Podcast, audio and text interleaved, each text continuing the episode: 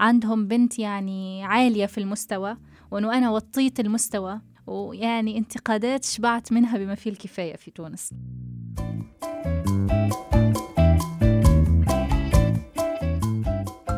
هيشوفوك بنظرة غير.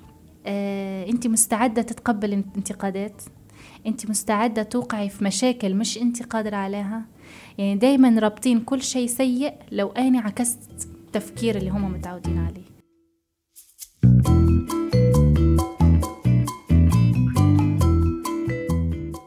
سمعتوا صوت رانيا. رانيا صبية تونسية خلقت وربيت بدولة الإمارات. عمرها 24 سنة وعم تستعد بالفترة الحالية للخطوبة والزواج من شاب من جنسية تانية. رانيا حبت تشاركنا اليوم موقفين مرت فيهم اختبرت من خلالهم مدى تأثير كلام الناس وتدخلهم في حياتنا علينا. الموقف الأول كان متعلق بدراستها.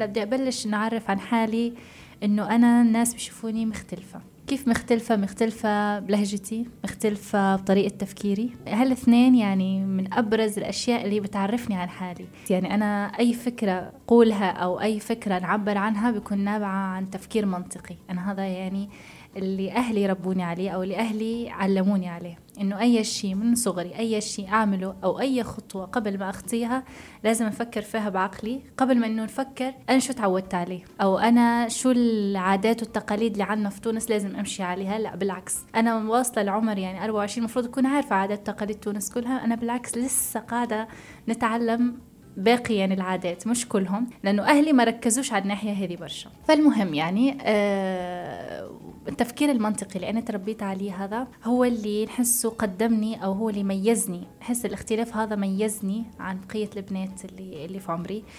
وفي نفس الوقت يلوموني. يعني يقولوا لي الاختلاف هذا مش حلو إنه أنت تجاوزتي الحدود. هذا الشيء يعني يميزني ويزعجني يعني في نفس الوقت لأنه كثير من الانتقادات تجيني طبعا من البنات أو من أهالي حتى البنات اصحابي صاحباتي. أحيانا الانتقاد يجي على أهلي يعني يقولوا لي انت أهلك cool جدا مخليك على كيف كيفك. الجملة هذه يعنوش بها شيء كويس؟ لا يعني بها إنه انت أهلك تركينك مش مربينك يعني. okay؟ فهذا يزعج في نفس الوقت لكن نرجع نقول يعني إنه okay هم تربوا على تفكير معين ف that's why هم حاكمين عليه أو هم يحكموا على الناس المختلفة عليهم بهذا الشكل. آه، أنا موقف صار معي لما خلصت ثانوية وقررت إني أدخل جامعة وأختار التخصص اللي أنا حباه طبعا خلصت الحمد لله بمعدل عالي وكنت متفوقة يعني. فكل أهلي غير ماما وبابا حتى أهلي اللي في تونس واللي حوالي يعني متأملين إنه أنا هختار من التخصصات العالية. التخصصات العالية طبعا في مجتمعنا العربي المتعارف عليه اللي هي الطب والهندسة وأنواعها يعني وأشكالها. أه بس أنا طبعا فاجأتهم قررت إني أنا أدخل يعني يا إما مثلا أدب إنجليزي. طبعا إحنا عندنا الأدب الناس اللي معدلاتهم أقل هي اللي تدخل أدب. هذا المتعارف عليه. أو أدخل media. ال media طبعا حتى الميديا يعني القبول في الميديا كان مش ضروري تجيبي معدل عالي. فكان نفس الشيء نفس الفكرة متعارف عليه مش ضروري يكون المتفوقين يدخلوا مجال الميديا. طبعا أنا لما فكرت هالتفكير واجهت اعتراض شوي من أهلي من ماما وبابا يعني خصيصا مع إنه أهلي يعني كانوا مش من ضمن الناس اللي أنا رح أتكلم عليهم إن هم عندهم الأفكار ومتشب معينة ومتشبثين فيها. بس هم كانت عندهم نفس الفكرة. إنه لازم ما دام أنت أخذت يعني معدلك عالي لازم تتجه إلى مثلا الطب تتجه إلى هندسة. أنت شو ناقصك يعني لتدخلي شيء ثاني؟ أنت ما شاء الله عليك يعني مخك يجيب كما نقولوا إحنا في تونس. علاش مت... علاش تدخل آه، تخصصات أقل منك مسمينها إنه أقل منك؟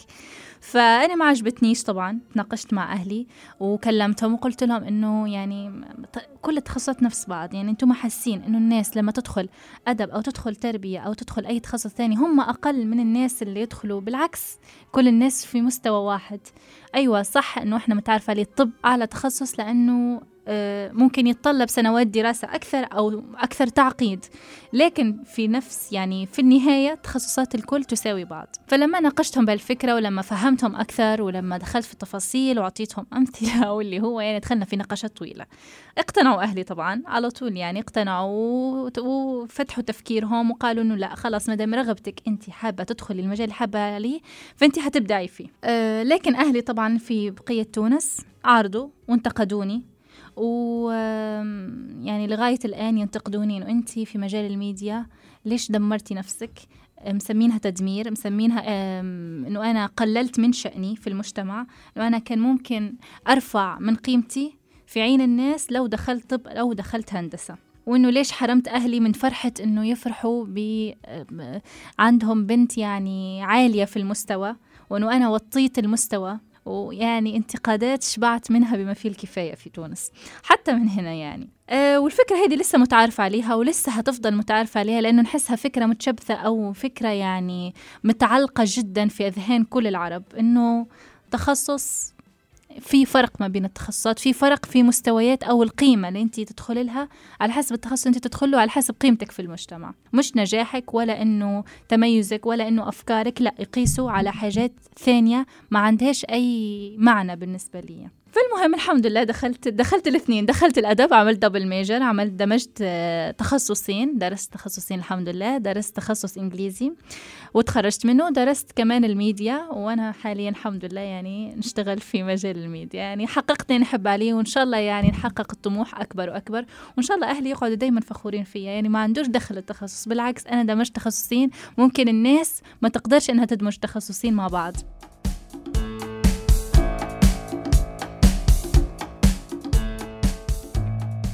الموقف الثاني اللي عاشته رانيا وتحملت فيه تدخل الناس وأحكامهم كان متعلق بخطوبتها وزواجها. في موقف صار معي طبعا عن قريب اللي هو موقف آه، خطوبتي أوكي؟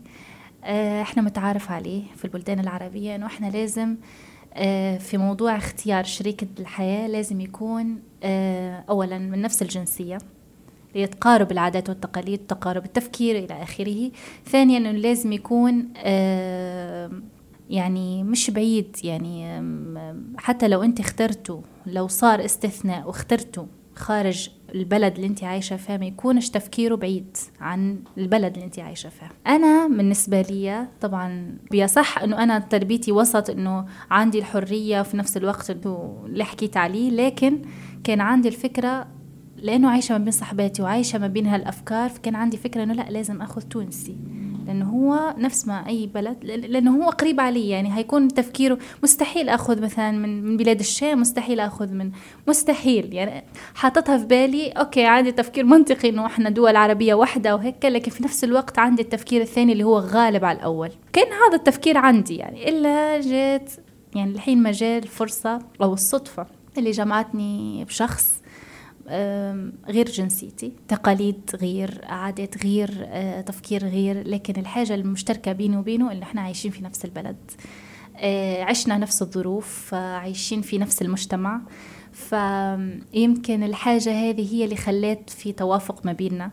وشوية شوية غيرت من تفكيري اللي هي لأ عادي يعني it's okay okay.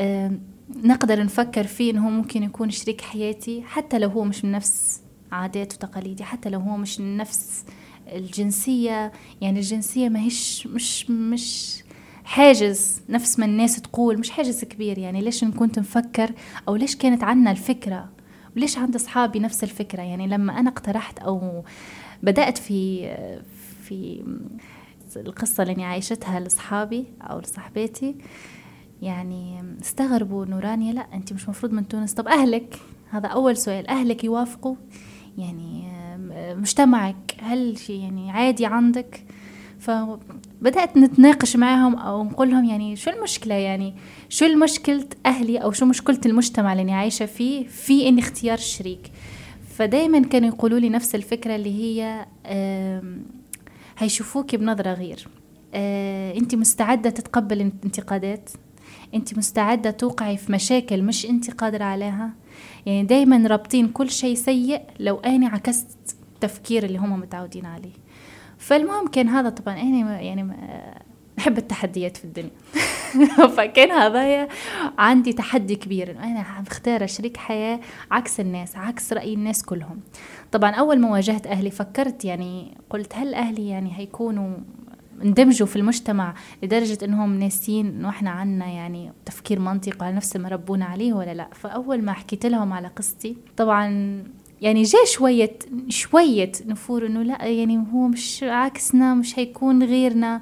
لما أنا واجهتهم قلت لهم أنتم مش ربيتوني على التفكير المنطقي. إنه هذا ما يهمش المهم يعني يكون هو مناسب لي يكون هو من نفس التفكير معايا. مش مهم العادات والتقاليد مش مهم الجنسية مش مهم اللهجة. فلما قلت لهم هالكلام على طول يعني تحسهم يعني كأنه فكرة تغلبت على فكرة. قالوا صح يعني يعني إحنا ربيناك على التفكير الصح أنت تفكيرك صح. فالمهم لما تناقشت معاهم ولما فهمتهم على طول تقبلوا وكان يعني ولا أي ردة فعل سيئة نفس ما قالوا صاحباتي ولا أي بالعكس يعني جدا تفهموا الفكرة واندمجوا معايا. و... وتقبلوا يعني هم صاروا في التحدي معايا يعني أي حد يتكلم علي أو أي حد يوجه لي انتقاد بالعكس هم يكونوا الديفنس الأول والمدافع الأول لي وعلى تفكيري يعني. ف لحد الآن يعني أنا لسه إن شاء الله يعني خطوبتي مقبلة إن شاء الله عن قريب بس لحد الآن واجه انتقادات كبيرة. إنه على الجنسية وعلى اللهجة. ولحد الآن يعني خوفوني بأفكار يعني جاتني فترة اكتئاب من الموضوع هذا. يعني شوف قديش الناس متحكمة في الواحد حتى لو الواحد تفكيره عكسي أو حتى لو الواحد إنه عنده نظرة غير أو عنده نظرة إيجابية وما يهموش في الناس لكن لازم تجي لحظات الأفكار السلبية تتحكم فيه. وفهمت عليش الناس يعني ليش الناس توقع في اكتئاب وفهمت ليش الناس آه، ممكن حياتها تتدمر بسبب كلام وإنه بسبب إنه هي ما اتبعتش إرضائهم ما اتبعتش تفكيرهم. يعني أنا لو خذيت نفس جنسيتي كانوا الناس راضيين وفرحانين وكل الناس هذا عادي. يعني خذيت من نفسنا ومشيت على علينا. لكن هي خرجت عن المسار خرجت عن تفكيرنا فهي يعني لازم لازم ناكلوها بالكومنتس برأي رانيا إنه أي اثنين ناويين على الزواج فأساس ارتباطهم لازم يكون مبني على التفاهم والتوافق بينهم بغض النظر عن أي اختلافات تانية شو ما كان نوعها. وهون سألت عن موقف عائلة خطيبة. أنا استغربت إنه كانوا جدا منفتحين لأنه هم هو من جنسية عربية يعني ممكن الأهل جدا ممكن يكونوا آه، متحكمين أو مش متحكمين يعني مقيدين أولادهم على تفكير معين. فأنا استغربت يعني أنا أوكي ممكن متوقعين الناس مني إنه حرية تفكير في تونس. لكن هل هو نفس الشيء ولا لا؟ اللي استغربته إنه لا طلعوا نفس الشيء. يعني فما أقليات في هالبلدان العربية اللي هي نفس تفكيري اللي هي نفس يعني فهذا الشخص اكتشفت يعني غيرت قديش من كم تفكير كان عندي خاطئ على على البلدان العربية. فيمكن هذا اللي جذبني لي أكثر وهذا اللي خلاني نحس إنه هو مختلف وهو مميز عن ممكن عن واحد تونسي جايني عادي. نفس تفكيري. والشيء اللي ممكن استغربته أكثر وأكثر إنه في حكاية الزواج إنه مش الناس ما تتدخلش بس يعني في إنه الشخص أو البنت تختار من بلدها بس لا يعني صارت معايا تجربة أو قصة صدمتني إنه صاحبتي آه، لما جت تتزوج اختارت شخص من نفس البلد لكن مدينة ثانية أو مدينة غير. الناس ما تتصوروش يعني قديش الانتقادات وقديش المشاكل اللي وقعت فيها بسبب انه الناس ابدوا رأيهم في هالموضوع. وقديش إنه كانت يعني وصلت لمرحلة صاحبتي إنه كانت خلاص هتبطل من الشخص وإنه هتدمر حياتها وإنه هي شو اللي حابة عليه بس عشان ترضي الناس وعشان ترضيهم هم قالوا لأ يعني لازم من نفس المدينة وأنه التفكير يختلف ونعود لنفس المشكلة على حكاية التفكير والعادات والتقاليد. يعني وصلت بهم المرحلة أنه يتدخلوا في أقل أبسط التفاصيل. فهذا الصراحة حاجة صادمة على الآخر أنه يعني وصلت بينا الحال أنه حتى من نفس المدينة لازم نأخذه شوي ويقول لك لا أنت لازم تاخذي من جارك أو جارتك أو الناس أو الناس يعني اللي لازم تعرفهم في حياتك محكومين عليك في دائرة معينة. فصراحة حاجة صدمة في مجتمعنا يعني.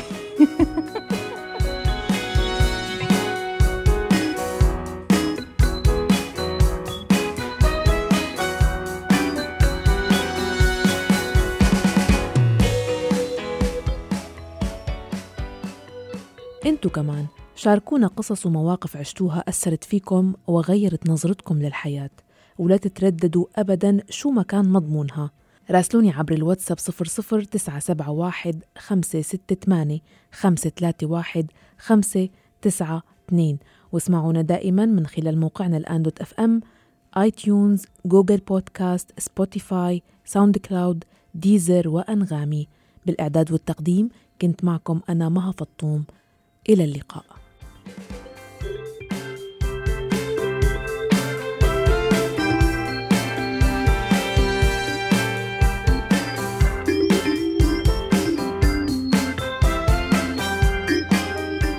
بودكاست صارت معي مع مها فطوم على راديو الآن.